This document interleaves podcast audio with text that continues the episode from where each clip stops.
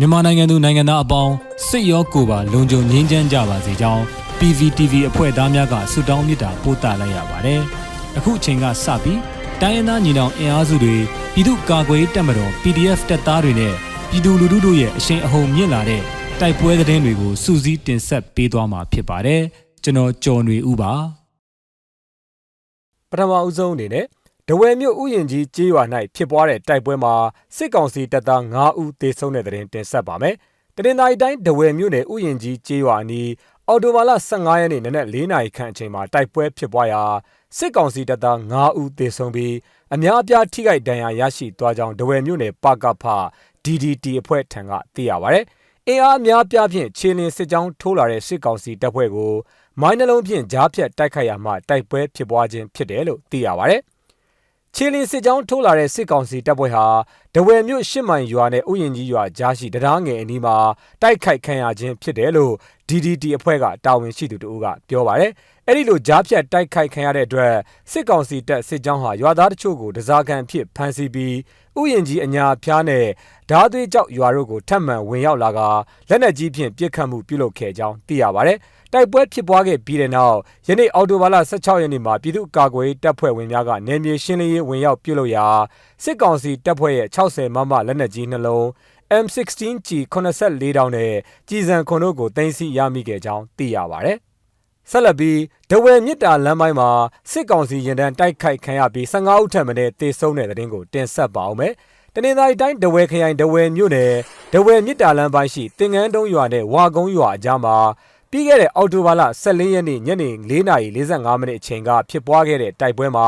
စစ်ကောင်စီတပ်ဖက်မှ15ဦးထပ်မံထိခိုက်ဒေဆုံးခဲ့တယ်လို့ပြည်သူ့ကာကွယ်တပ်ဖွဲ့ဝင်များထံမှသိရပါဗျ။စစ်ရေးတင်းမာနေတဲ့ဒဝယ်မြစ်တာလမ်းပိုင်းရှိမြစ်တာမြို့သို့ဦးတည်လာသောစစ်ကောင်စီရင်နှမ်းမှာ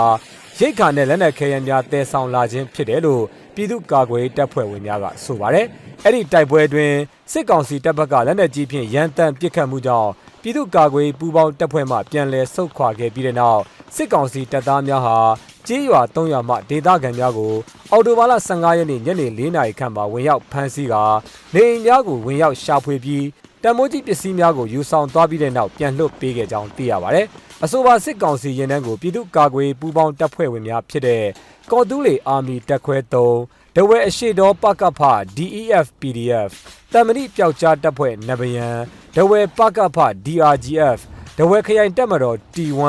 ကျက်တစ်နဲ့စတဲ့အဖွဲ့6ဖွဲ့မှရဲဘော်များကပူးပေါင်းတိုက်ခိုက်ခဲ့ခြင်းဖြစ်ပြီးနေရာနှစ်ခုခွဲ၍ပြစ်ခတ်တိုက်ခိုက်မှုပြုလုပ်ခဲ့ကြောင်းသိရပါဗျ။စကိုင်းတိုင်းဒေသကြီးရင်းမပင်ဘက်ကပြည်သူ့ခုခံတော်လှန်စစ်တရင်ကိုဆက်လက်တင်ဆက်ပါမယ်။ စကိုင်းတိုင်းရင်းမပင်မြို့နယ်ကန်စုရွာလမ်းခွဲအနီး၌အာနာသိန်းစစ်တပ်ရဲ့လှည့်ကင်းစစ်ကြောင်းကိုမိုင်းဆွဲတိုက်ခိုက်ခဲ့ရာစစ်ကောင်စီတပ်ဖွဲ့ဝင်များအပါအဝင်ပြူစောတိ15ဦးသေဆုံးခဲ့တယ်လို့ချင်းတွင်းတိုက်ကားအဖွဲ့ခေါင်းဆောင်ဗိုလ်တိုက်ကားကပြောပါတယ်။ အင်အား40ကျော်ရှိတဲ့စစ်ကြောင်းဟာ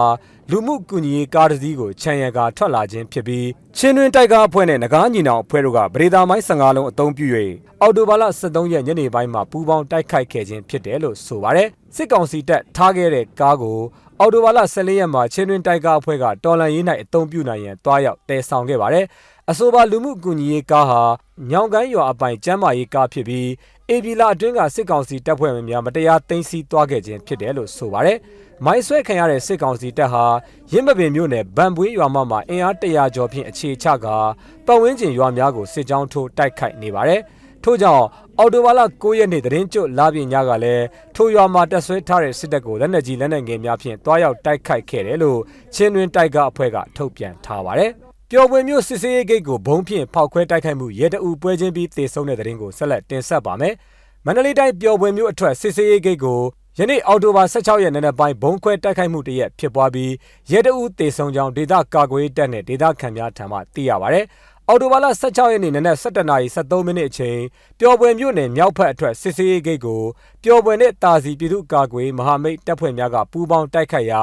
ရဲတအုပ်ပွဲချင်းပြီးတေဆုံးသွားခြင်းဖြစ်တယ်လို့ပြည်သူ့ကာကွယ်တပ်ဖွဲ့မှတာဝန်ရှိသူတဦးကပြောပါတယ် နောက်ဆုံးသတင်းတစ်ပုဒ်အနေနဲ့ကရင်ပြည်နယ်ကြာရင်စိတ်ကြီးဘက်ကသတင်းကိုတင်ဆက်ပါမယ်။ကရင်ပြည်နယ်ကြာရင်စိတ်ကြီးခလာရ32ထဲသို့ဒရုန်းဖြင့်ဘုံကျဲတိုက်ခိုက်ခဲ့တဲ့သတင်းမှာကြာရင်စိတ်ကြီးမြို့နယ်အခြေဆိုင်ခလာရ32တက်ထဲသို့ဒရုန်းများဖြင့်ယနေ့နေ့အစောပိုင်းမှာဘုံကျဲတိုက်ခိုက်ရာဗိုလ်တအုပ်နဲ့ဒုတက်ချက်ကျော်စွာမိုးတေဆုံးပြီးဗိုလ်ကင်းဆောက်အုံများပျက်စီးသွားကြောင်းတက်တဲ့ရင်းမြစ်ကပြောပါတယ်။ အော်တိုဘာလ16ရက်နေ့နနက်တနာရီ42မိနစ်အချိန်နဂနီစစ်ကြောင်း KNL တပ်ဖွဲ့ဝင်များနဲ့ Federal Wings အဖွဲ့ပူးပေါင်း၍ကြာရင်စိတ်ကြီးမြို့နယ်ခလာရ32ထဲသို့ဒရုန်းဖြင့်81မမနဲ့60မမတို့ဖြင့်ဘုံကျဲတိုက်ခိုက်ရာ